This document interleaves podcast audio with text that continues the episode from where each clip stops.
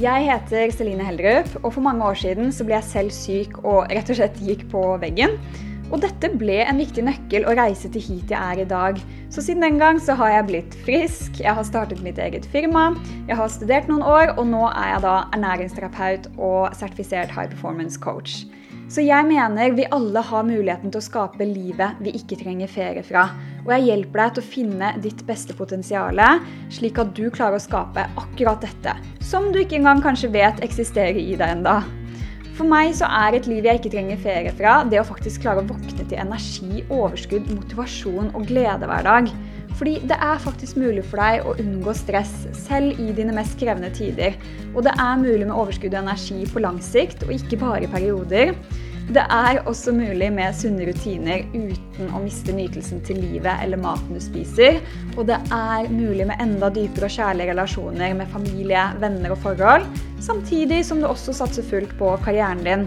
Og Mye av dette finner du svaret på når du klarer å leve i tråd med dine verdier, personlig vekst, verktøy, rutiner og selvutvikling for å nå ditt beste potensial i både privatlivet og i karrieren din.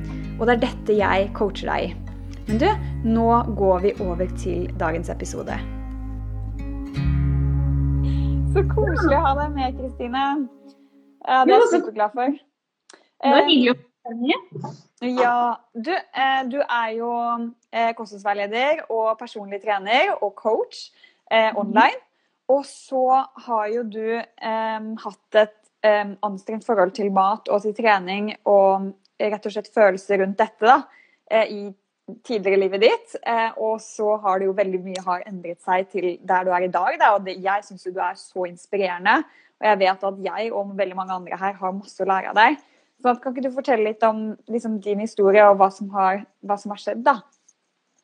Eh, ja, hvor skal man begynne, på en måte? Altså, eh, for min del så startet det egentlig aldri med trening eller mat. Det startet med at eh, eh det startet med at mammaen min ble syk. Eh, og da ville jeg rett og slett eh, gjøre henne frisk.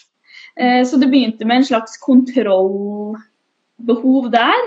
Men eh, når du har en mor som er kronisk syk, eh, det var jo kreft, så var det ikke så mye jeg fikk gjort.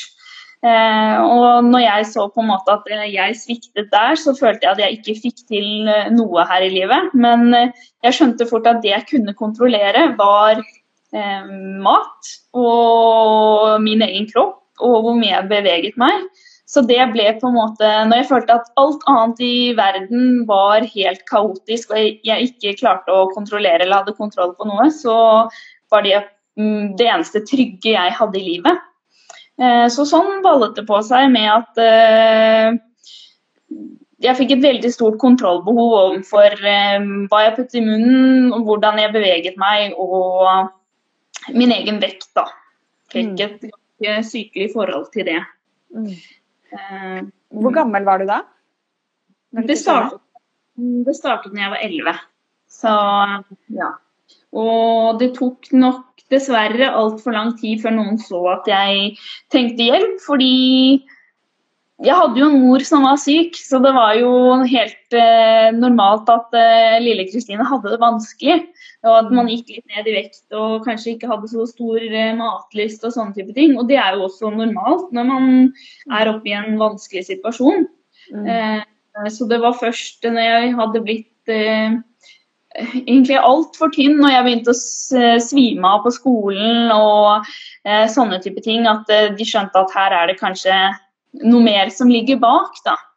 Mm. Mm. Og da begynte du å få hjelp, eller? Eh, ja. Eh, dette er jo, Nå er jeg jo blitt 30, så dette er jo ja, nesten 20 år siden. Eh, og da var det jo ikke så vanlig å snakke om psykiske, altså, psykiske problemer, for dette her er jo et psykisk problem, noe som sitter i hodet. Mm. Og, eh, jeg, det var jo første omgang fastlegen som fulgte meg opp, og da får du jo beskjed om eh, altså, De tok jo masse blodprøver og EKG-er og sjekket liksom at det ikke var noe alvorlig feil med kroppen min. Det eneste de fant, var jo masse mangler ikke sant? og en underernært knopp. Så de, da var det jo gå hjem og spise brunost for du mangler jern, ikke sant. Eller mm. Eh, ditt og datt. Så sier du jo selvfølgelig da ja ja, det gjør jeg. Og så går du hjem, og så gjør du jo ikke det, for å si det sånn. Mm. Så det tok veldig lang tid før jeg egentlig ble uh, Før jeg fikk uh, hva skal vi si, altså hjelp for det som sitter i hodet. da. Mm. Det var vel først Jeg tror jeg var først 16-17 ja, før jeg kom til en psykolog for første gang. Mm. Og, og nå, hvor er du i dag, da? I forhold til hvordan det var før? Det er jo altså Det er jo noe helt annet. Da var jo trening og mat noe man måtte, og noe som var kjempevanskelig og egentlig tok all energi. Og nå er det jo blitt til noe som eh, gir glede, for både mat og trening er jo Altså det er kjærlighet, det er samvær, det er eh, glede. Altså det, energi. Det skal jo være en positiv del av livet. Mm. Mm. Men det har Så... vært en så hva, i forhold til trening, da, hva, hva er liksom dine beste tips her til å få et godt forhold til seg selv rundt trening? Um, og du er jo personlig trener, så du, jo, altså, du er jo også veldig flink til å motivere til å faktisk klare å trene også. Så at man liksom har det gode forholdet og den gode relasjonen til trening med seg selv også, da. Hva er det som har liksom hjulpet deg eh, og endret denne prosessen for deg? Jeg fikk nok eh, Jeg har hatt to store aha-opplevelser. Det første var eh, eh, Jeg skaffet meg faktisk en coach altså en, gjennom nettet. Så jeg hadde en personlig trener og en kostholdsveileder over nett. Mm. Og da gjorde han jo sånn at jeg både spiste mye mer og trente mye mindre enn hva jeg var vant til. Mm.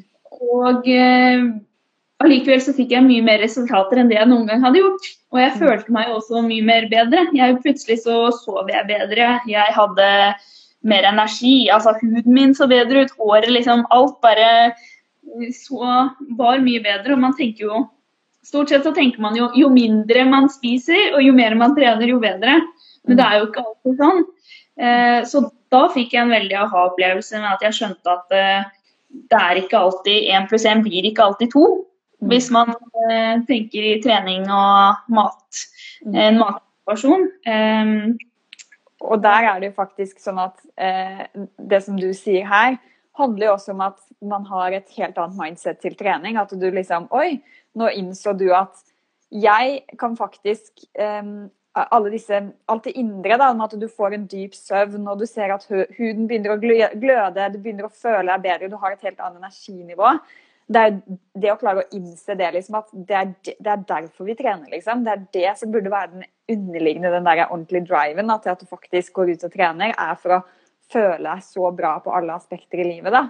Um, så det er jo veldig deilig da, når man faktisk endelig kan kjenne på den følelsen også. Samme gjelder jo med mat. Og det du sier her, er jo egentlig at når du begynte å få det bedre på innsiden, eh, og begynte å eh, faktisk spise mer og få i deg mer næring og faktisk trene mindre da, enn du hadde gjort før, siden det var så anstrengt forhold til trening før, så var det noe som gjør at du gløder på en helt annen måte. Da. Så det er veldig fint. da. Det betyr jo at innsiden påvirker oss veldig mye, og gjør at du også stråler på utsiden.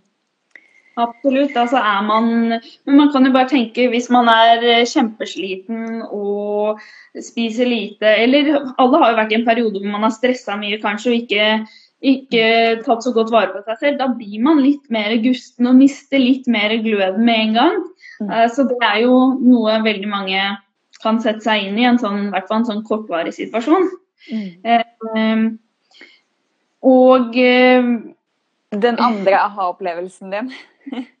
det var Det kom så langt at jeg faktisk fikk påvist en hjertefeil. Eh, så hjertet mitt begynte bare å slå dobbeltslag, så jeg svimte av flere ganger eh, daglig. Mm. og da var det bare sånn Du kan ikke trene i det hele tatt. Eh, og jeg orket knapt ikke å gjøre noen ting. Jeg ble tungpustet bare jeg gikk opp en trapp. Mm. og det, da var jeg vel over et halvt år helt uten trening. Altså, de første månedene orket jeg ikke å gå en tur engang. Jeg var helt helt ødelagt. Det kan jeg liksom Ja, det er vanskelig å forklare når man har vært en person som har vært overalt. Og nå er jeg nok en person som er litt overalt igjen. Men det å eh, ja, bare føle at eh, hjertet fungerte ikke, og da skjønte jeg jo også hvor, hvor, hvor, mye ting henger sammen, da. Mm. Eh, og da, etter et halvt år uten nesten noen aktivitet, så hadde det faktisk ikke skjedd så mye med kroppen heller. Altså Vekten min var omtrent det samme, eh, og jeg så ikke sånn veldig annerledes ut. Og da, da fikk jeg stor aha-opplevelse nummer to. At eh, du kan nok trene ganske lite og likevel fortsatt få resultater, eller vedlikeholde den kroppen du har. da. Mm. Eh, Samtidig så fikk jeg jo en aha-opplevelse ved at jeg skjønte at eh, at jeg vil leve. Mm. Rett og slett. da. For jeg var vel kommet til et punkt hvor eh, Når du har det veldig vanskelig, så blir alt tungt. Ikke bare mat, trening og kropp, men livet generelt. da. Eh, man mister eh, livs livsgleden eller livsgnisten, eller begge deler. Mm. Uh, det var vel uh, Det var ganske lenge hvor jeg egentlig tenkte at uh, det hadde vært bedre om jeg ikke levde. Nå begynner jeg jo nesten å grine. Jeg òg. Men når man bare tenker at Ja, altså Jeg hadde ikke noen direkte tanker om å ta mitt eget liv, men mer det at man man føler seg at man er en påkjenning for alle rundt, og man ser ikke noe lys eller håp. da.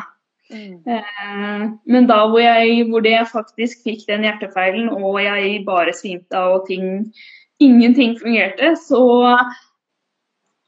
følte jeg vel da plutselig at eh, jeg er ikke klar for å dø enda. Altså, det er mer i det Det er mer i livet for meg. Eh, denne historien her skal ikke slutte her, da. Mm. Mm. Oh, og um, hvordan var det Altså, hva er liksom kanskje det viktigste som, som, har hjulpet deg til å endre deg, i tillegg til denne biten her, da? Eh, er det noe med eh, trening, kosthold, måten du tenkte på, eh, noe du gjorde som også gjorde at ting ble bedre da, med mindsettet ditt og følelsene du hadde rundt dette? Å lære å lytte til kroppen sin er nok det viktigste. Eh, og når, for noen så kan det høres sånn Hva betyr det å lytte til kroppen sin? Eh, og det er jo fortsatt noe jeg jobber med den dagen. Det tror jeg er noe man alltid må jobbe med. Så, eh, men det å tørre å kjenne litt etter, ikke bare løpe fra A til B, fordi vi er ofte på farten og har ikke tid til å kjenne etter hva vi føler. Men eh, det er lov å ta seg tid til å kjenne på følelsene sine. Og er man, er man sliten, er man lei, så er det greit. Altså mm. unne seg selv faktisk å ta vare på seg selv. Mm. Og, ja. Det kan vi egentlig snakke litt om, fordi at um, du var igjennom en operasjon, uh, eller mageoperasjon, for ikke så veldig lenge siden. Og det var jo også sånn kjempevendepunkt for deg, vet jeg. Og etter det så har du jo også blitt, som du har snakket om tidligere til meg, da, at du har blitt veldig mye flinkere til å faktisk klare å si nei. Um, selv om du alltid har vært altså selv om det alltid er den følelsen av liksom flink pike, det derre åh, du må prestere, du må si ja til ting, du må stille opp, ikke sant? du må være der for alle andre enn deg selv. da. Så har du lyst til å bare fortelle litt om det, og hvordan det ja, altså Flink pike er jo ofte noe som henger sammen med det å ha et litt anstrengt forhold til kropp og sånn, fordi man vil være perfekt på alle områder i livet.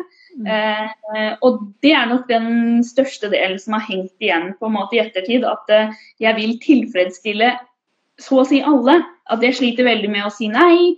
Og ja, vil gjøre alle andre til lags. da, Og fortsatt Eh, på en måte har ikke vært så flink til å ta vare på meg selv. Selv om det er en evig prosess. Mm. Men ja, og så i slutten av desember så fikk jeg akutte magesmerter som gjorde at eh, jeg ble hasteoperert. Hele tre ganger, faktisk. Og da åpnet de hele magemuskulaturen min. Um, som igjen gjorde at eh, da var de tre måneder helt uten trening igjen. Fordi de hadde jo splittet opp magemusklene, og de bruker man jo alt.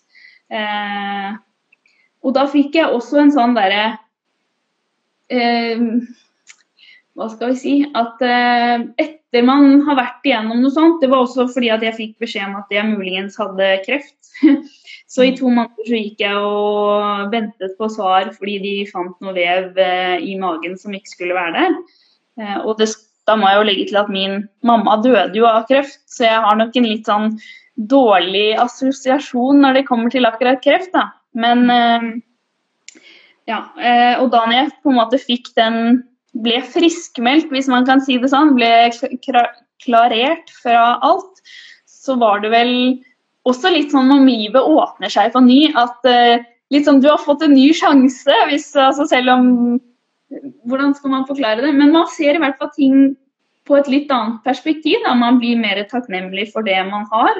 Uh, og da innså jeg at liksom Nå er det kanskje nok. Ikke at dette her hadde noe med at eh, jeg ikke er så flink til å si nei, men eh, at eh, det kanskje var siste dråpen. At nå trenger Kristine å eh, bare være Kristine. Og virkelig kjenne etter hva er riktig for meg.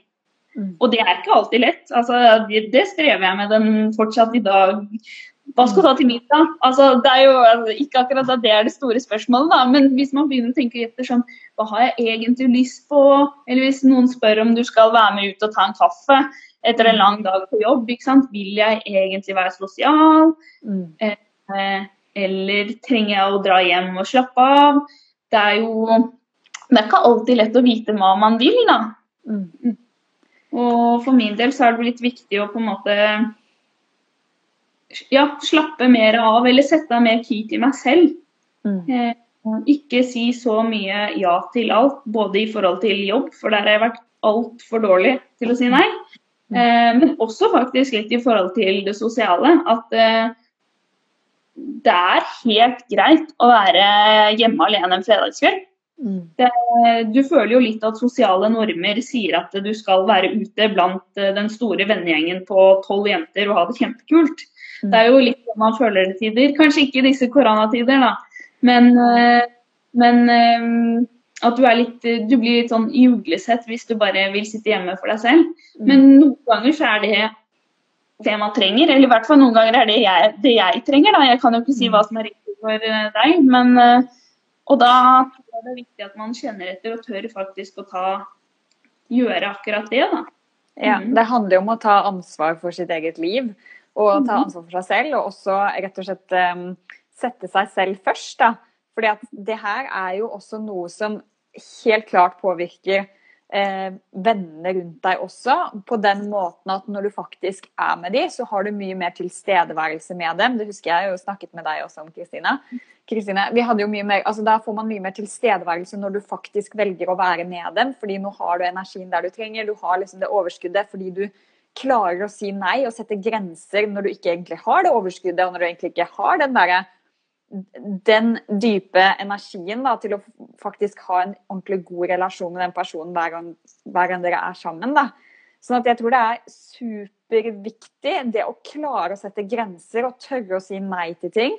Og alltid tenke OK, hva, hva, hva er best for meg nå? Og ja, det høres ego ut, og, men det er ikke ego, for dette her vil blomstre rundt deg også, fordi du vil få en mye bedre relasjon med menneskene rundt deg også når du setter deg selv først. fordi da, de gangene du faktisk eh, prioriterer å være med venner eller kollegaer eller hva det skulle være, så har du den dype tilstedeværelsen, du har den energien, det overskuddet som du ikke hadde hatt kanskje en annen gang hvis du hadde sagt ja bare eh, fordi du følte at du måtte, men så har du egentlig ikke overskuddet til det. Så da sitter du der, og så er du ikke fullt tilstedeværende, og da blir den, er den relasjonen dårligere også, da. Mm. Så det her er jo sånn Man tenker at det er ego, men det er ikke det. Når du har det bra med deg selv, så vil det også stråle ut på alle andre, da. Du, før vi går videre med episoden her. Du vet den der følelsen av at alle planer og mål du har for dagen, bare blir gjort sånn halvveis, eller du utsetter og går egentlig med en sånn konstant dårlig samvittighet. Eller den der greia med at du nå har bestemt deg for å komme i gang med trening, endre kostholdet ditt, og så kommer hverdagen inn, og etter noen uker har det bare falt helt av. Og den der overveldende følelsen av at du bare flyter med i andres liv gjennom dagen. Du er alltid tilgjengelig for dem, du svarer alltid på melding så fort det plinger inn, selv om det egentlig er andre ting du driver med. og du bare må scrolle gjennom Instagram enda en gang til fordi du liksom nesten er avhengig, ikke sant? Som regel så settes grunnlaget for alt dette her den første timen du står opp om morgenen. Så jeg går ikke lenger en dag uten morgenrutine, og det har jeg gjort de siste årene. Det er faktisk life-changing. Så derfor har jeg laget en guide til deg nå. Veien til lederskap og suksess i livet ditt med morgenrutine. Altså nå skal du bort med overveldelse og inn med fokus, energi og motivasjon i livet ditt. Så denne guiden er da gratis, og du kan laste den ned akkurat nå i linken du finner i beskrivelsen på denne podkastepisoden. Eller du kan bare sende meg en melding på Instagram selvfølgelig og si bare 'Jeg vil ha denne morgenrutinen'. Eh, kan du sende meg guiden, så sender jeg deg den guiden i innboksen på Instagrammen din. Ok? Men nå tenker jeg vi går tilbake til episoden. Jeg snakket senest med en eh, kunde som har barn, om akkurat dette i går. Og som hun sa, eh, for hun syntes dette var veldig vanskelig i starten. Ikke minst bare skulle sette av tid til å ha litt mamma- eller egentid da, hver dag. Og så skulle også ta litt eh, tid flere ganger i uka til å trene litt og være litt i litt aktivitet. Og hun syntes det var kjempevanskelig i starten og følte seg som en veldig dårlig mor. Og det var veldig morsomt når hun da i går sa at liksom Det har jo blitt til at jeg faktisk er en bedre mamma når jeg er egoistisk av og til. Fordi da er jeg i bedre humør, jeg har mer energi. Så jeg er ikke den mammaen som klikker fordi at det, er, det henger er klær overalt, eller eh, liksom hakker på barna for noe som egentlig er en bagatell. Da. At nå er nettopp ved å være litt egoistisk og prioritere seg selv, er hun mer tålmodig og ja, rett og slett føler seg som en bedre mamma og en bedre kone. Og det er jo sånn vi må faktisk tenke at for at du skal kunne ta vare på andre eller være til stede for de rundt deg, så er du faktisk nødt til å ha det godt selv, da. Mm. Mm. Ja, jeg er helt enig. Det var veldig fint sagt, faktisk. Og så er det jo Jeg lurer på en ting til i forhold til mat og følelser. For du har jo også hatt et veldig anstrengt forhold til mat. Hva er det som har gjort at du har sluppet taket her og på en måte fått en mye eh, bedre relasjon med mat og bedre følelser rundt mat? da? Og mye bedre forhold til det. Så det er liksom det viktigste steg her. Eh, der startet det nok også mye med nettopp det at jeg gikk til denne coachen. Som, eh, altså, han ga meg jo en matplan, så fra min side var det fortsatt veldig rigid. For jeg måtte spise etter den matplanen. Mm. Det var ikke sånn om å spise et måltid med familien eller venner da, men det var fortsatt mye mer mat enn hva jeg var vant til. Mm. Og da begynte jeg å se viktigheten av å spise nok mat. Um, og det med å ikke tenke svart-hvitt. Uh, for når du har et, i hvert fall for, for, meg, da, når jeg hadde et uh, veldig anstrengt forhold til mat, så er det sånn typisk at uh, sukker er ikke lov. Uh, mye fett er i hvert fall ikke bra. Mm. Og du har en del sånne regler, og da hvis man tar én sjokoladehvit, så har man ødelagt alt. Så da spiser man hele sjokoladeplata. Og når den er tom, så kan man godt gå i fryseren og spise litt is også. Når man først har tatt, er jo alt ødelagt. Eh, og da var det faktisk han coachen min som sa til meg at Men Kristine, du, du, vet at når du gjør det her, eh, så er det som om du går nedover eh, Karl Johan, og så ser du at buksesmekken din er åpen. Og istedenfor å på en måte dra buksesmekken din opp da, og bare fortsette å gå, så river du av deg buksa og løper hylende ned eh, nedover gata, sånn at alle ser deg. Og det er litt sånn at det, om du tar den sjokoladebiten eller den halve sjokoladeplata, så er jo ingenting ødelagt sånn i det store sammenhengen. Mm. Så problemet oppstår jo hvis du begynner å spise hele sjokoladeplata og alle isboksene etter det ofte. Um, fordi du har dårlig samvittighet for at du i det hele tatt har tatt en bit.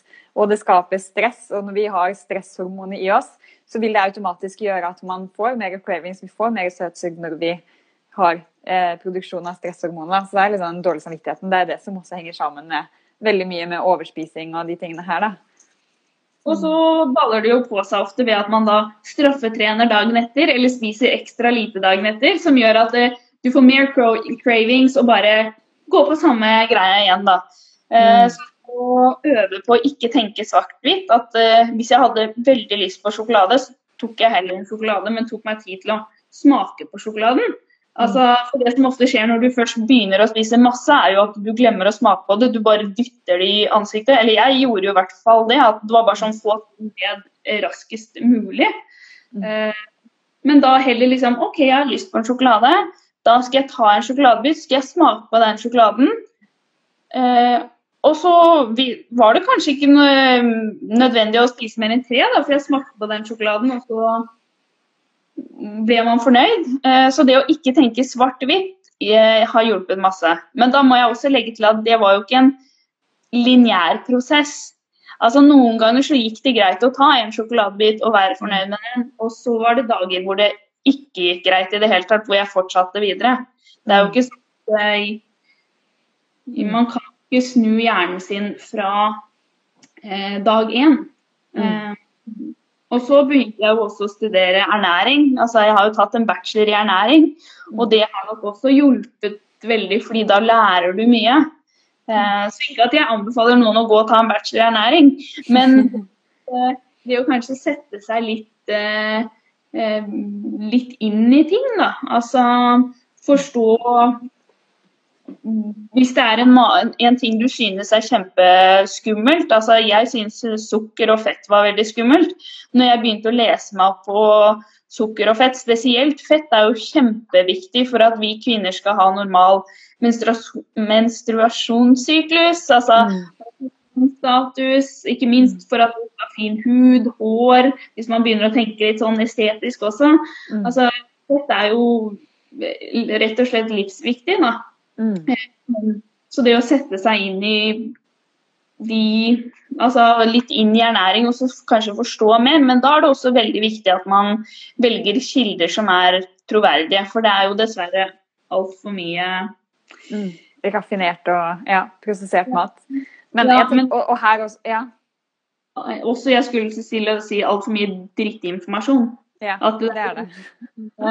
At man, hvis man ønsker å lære noe, at man velger sine kilder med omhu, da. Mm. Mm. Ja. Og så tenker jeg at det, det viktigste liksom, for å begynne å starte med innsiden, for at du skal ha det bra på innsiden og stråle utad, så er det liksom det aller viktigste huskeregelen er mat fra bunnen av.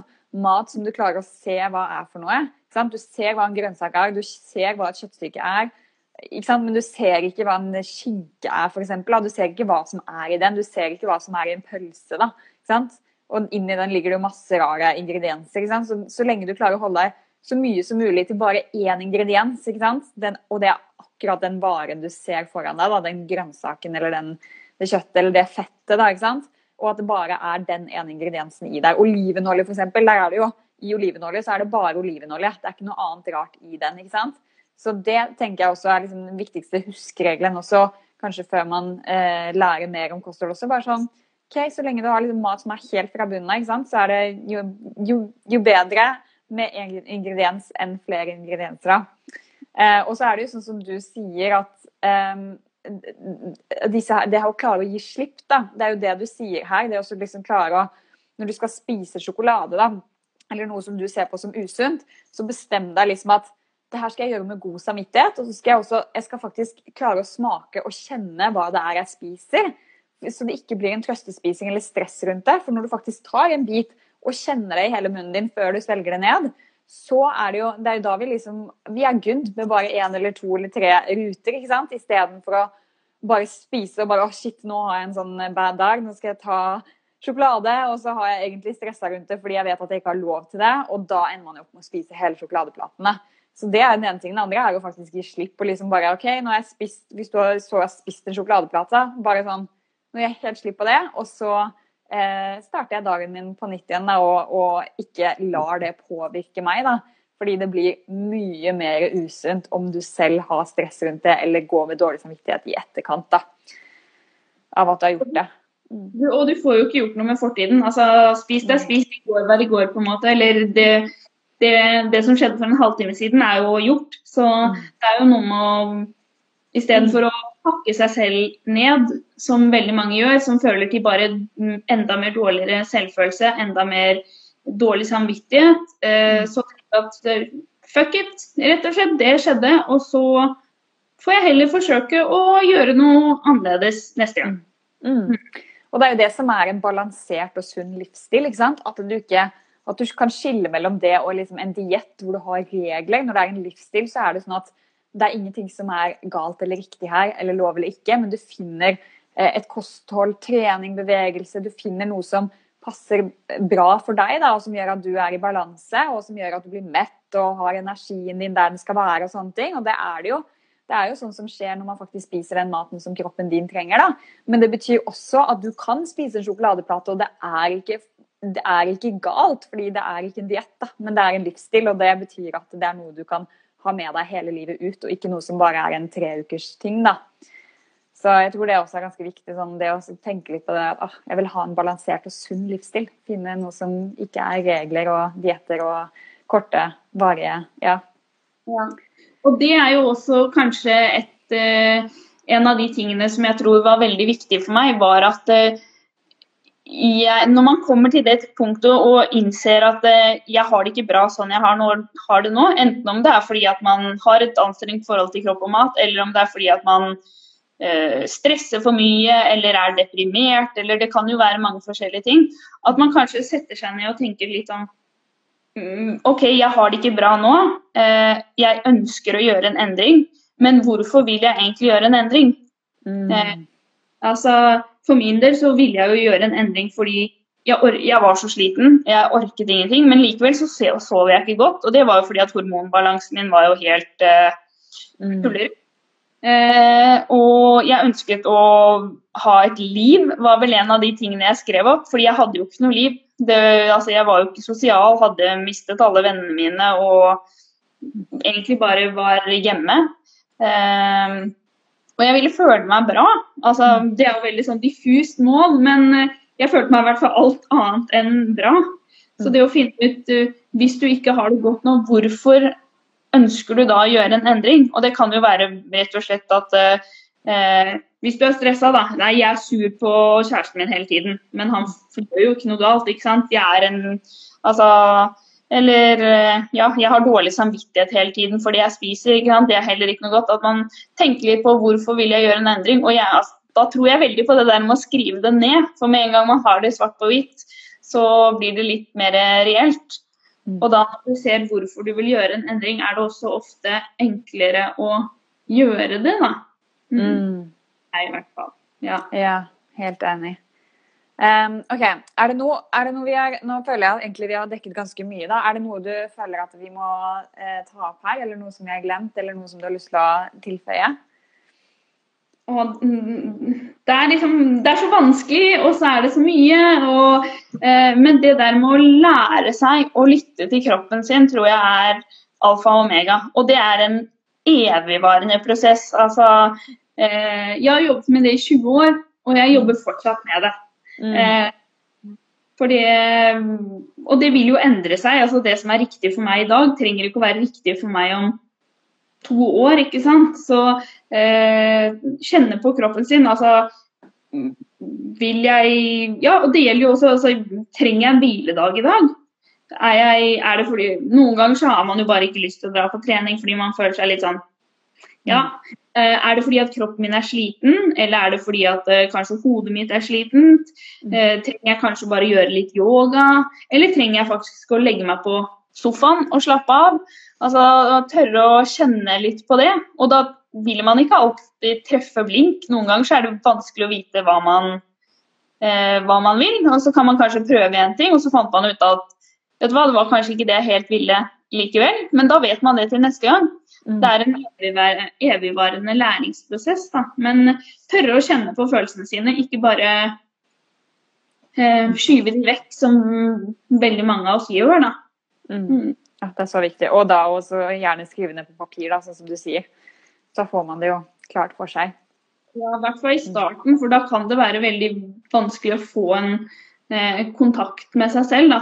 I, veldig mange har jo stengt den jeg liker å noen ganger si at vi har en sånn indre menneske, og så har vi den ytre varianten. Vi, si at vi har to Eller du kan si at du snakker med sjelen din, da. Noen ganger så har vi jo stengt av den samtalen, indre dialogen med oss selv fordi at vi er så, opp, ja, så stressa eller er så opptatt av de rundt oss, eller fordi man har et anstrengt forhold til mat og kropp, eller er de deprimert, da stenger man ofte av dem fordi at det er et forsvarsmekanisme. Og har den vært av lenge eller stengt lenge, så er det ofte vanskelig å finne tilbake til den. Mm. Og da kan det hjelpe i starten å skrive ned, fordi det blir så veldig diffust når man skal lære å kjenne etter hva vil jeg. Mm. For det er et ganske diffust spørsmål. Mm. Hva vil jeg, og hvorfor er jeg egentlig deprimert? Hva kan jeg gjøre med det? ikke sant? Så Når du finner ut av hvorfor, hvorfor skjer det som skjer nå, er det, er det noe i kostholdet? Er det relasjoner rundt meg? Hva er det som gjør at jeg har den angsten eller den depresjonen eller hva det skulle være? Og så kan du alltid se hvordan kan jeg løse, eller hvordan kan jeg liksom ta grep da, for å gjøre en forskjell her. Um, og da er det jo sånn, det er mange måter å gjøre grep på. Uh, som hvis du kjenner at du har angst, da, så vet du at oi, jeg får angst hver gang jeg drar på jobben, fordi det er kanskje ikke jobben du trives i. da. Um, om så det er det, så, så begynn å liksom se ok, hva kan, jeg, hva kan jeg gjøre for å løse dette her? Kan jeg gjøre noen tiltak? Kan jeg, kan jeg bruke noen verktøy, eller jeg, må jeg begynne å Eh, lære av coacher som business coacher som, som, som, snakker om å drive for seg selv, ikke sant. Eh, kanskje det er det jeg må begynne med. Hva er det, liksom? Og så eventuelt følge de personene, høre på podkaster, lære om det. ikke sant? At man på en måte tar actionsteg også for å gjøre en forskjell, da, for å faktisk forstå det. Samme gjelder hvis du OK, jeg har dårlig selvtillit fordi huden min er, uh, huden min er ikke fin. ikke sant? Eh, er det noe du kan gjøre her? Er det noe i kostholdet? ikke sant? Og Hvis du kanskje ikke kan noe om kostholdet, hva kan jeg gjøre da for å lære om dette her? Kan jeg begynne å følge noen podkastepisoder? Lære, søke og google opp hormoner og mat? liksom, Hvordan, Hva jeg kan spise her for å støtte det? For at huden min skal bli ren. ikke sant? Så det er, liksom, det er så mange måter du kan gjøre det på. da. Så det, alltid, det, finnes alltid løsninger, og så er det ikke alltid vi har de løsningene. Det kan hende du må bestille en time hos en coach eller psykolog eller hva det skulle være. ikke sant? Men da kan man ta de actionstegene også da, for å faktisk eh, få en forbedring. da. Og der er du inne på noe kjempeviktig som jeg tror egentlig er alfa og omega, er å søke hjelp. Mm. Fordi veldig mange syns det er et nederlag å skulle ha hjelp, eh, spesielt fra en psykolog. Nå er det jo blitt ganske vanlig at man har en annen form for coach eller en trener eller sånne ting. Eh, og det er jo minst like viktig å ha en trener for det som er oppi her. Mm. Eh, det å tørre Jeg tenker at det er en styrke å tørre å innse at man ikke kan klare alt på egen hånd. At noen ganger så trenger man hjelp utenifra. Mm. Eh, enten om det er ja, en coach eller en trener eller en psykolog eller mm. eh, fastlegen din. ikke sant? Bare, det kan være så mye. At mm. man søker hjelp, for alt her i livet er vi ikke laget for å takle selv. Noen ganger så trenger vi bare en veiledende hånd, eller noen som kan ja, støtte oss litt. Da. Gi oss noen tips og råd. Mm. Jeg er helt enig. Så bra. Jeg syns vi har gått gjennom masse igjen, Kristine. Er det noe du skal tilføye på slutten, eller tror du vi har fått med det viktigste? Eh, vi kunne jo snakket i evigheter. ja, det er liksom det er et stort tema, så det å få det ned på kort tid er eh, vanskelig. Men jeg tror, eh, jeg tror vi på en måte har dekket det viktigste. Ja. Mm. Så bra. Du, tusen takk for at du var med. Og hvor er det de kan finne deg? Um, ja, jeg er jo litt sånn diffus på Eller jeg er jo på Instagram da, som Kristine Evre. Uh, og så uh, blogger jeg alle mulige ting. Det syns jeg faktisk er mye mer morsomt enn Instagram. Jeg vet det. Du har sagt det mange ganger. det er morsomt. ja. Ja, blogg er liksom litt ut, men jeg syns at derfor jeg uttrykker meg mye mer enn det jeg får på Instagram. Og bloggen min den har et litt rart navn, for det henger veldig igjen. Men eh, den heter i hvert fall Dedication. Ja, ja men man googler Kristine Aure, så finner man også det. Mm. Herlig. Tusen takk for at du var med. Veldig, veldig koselig.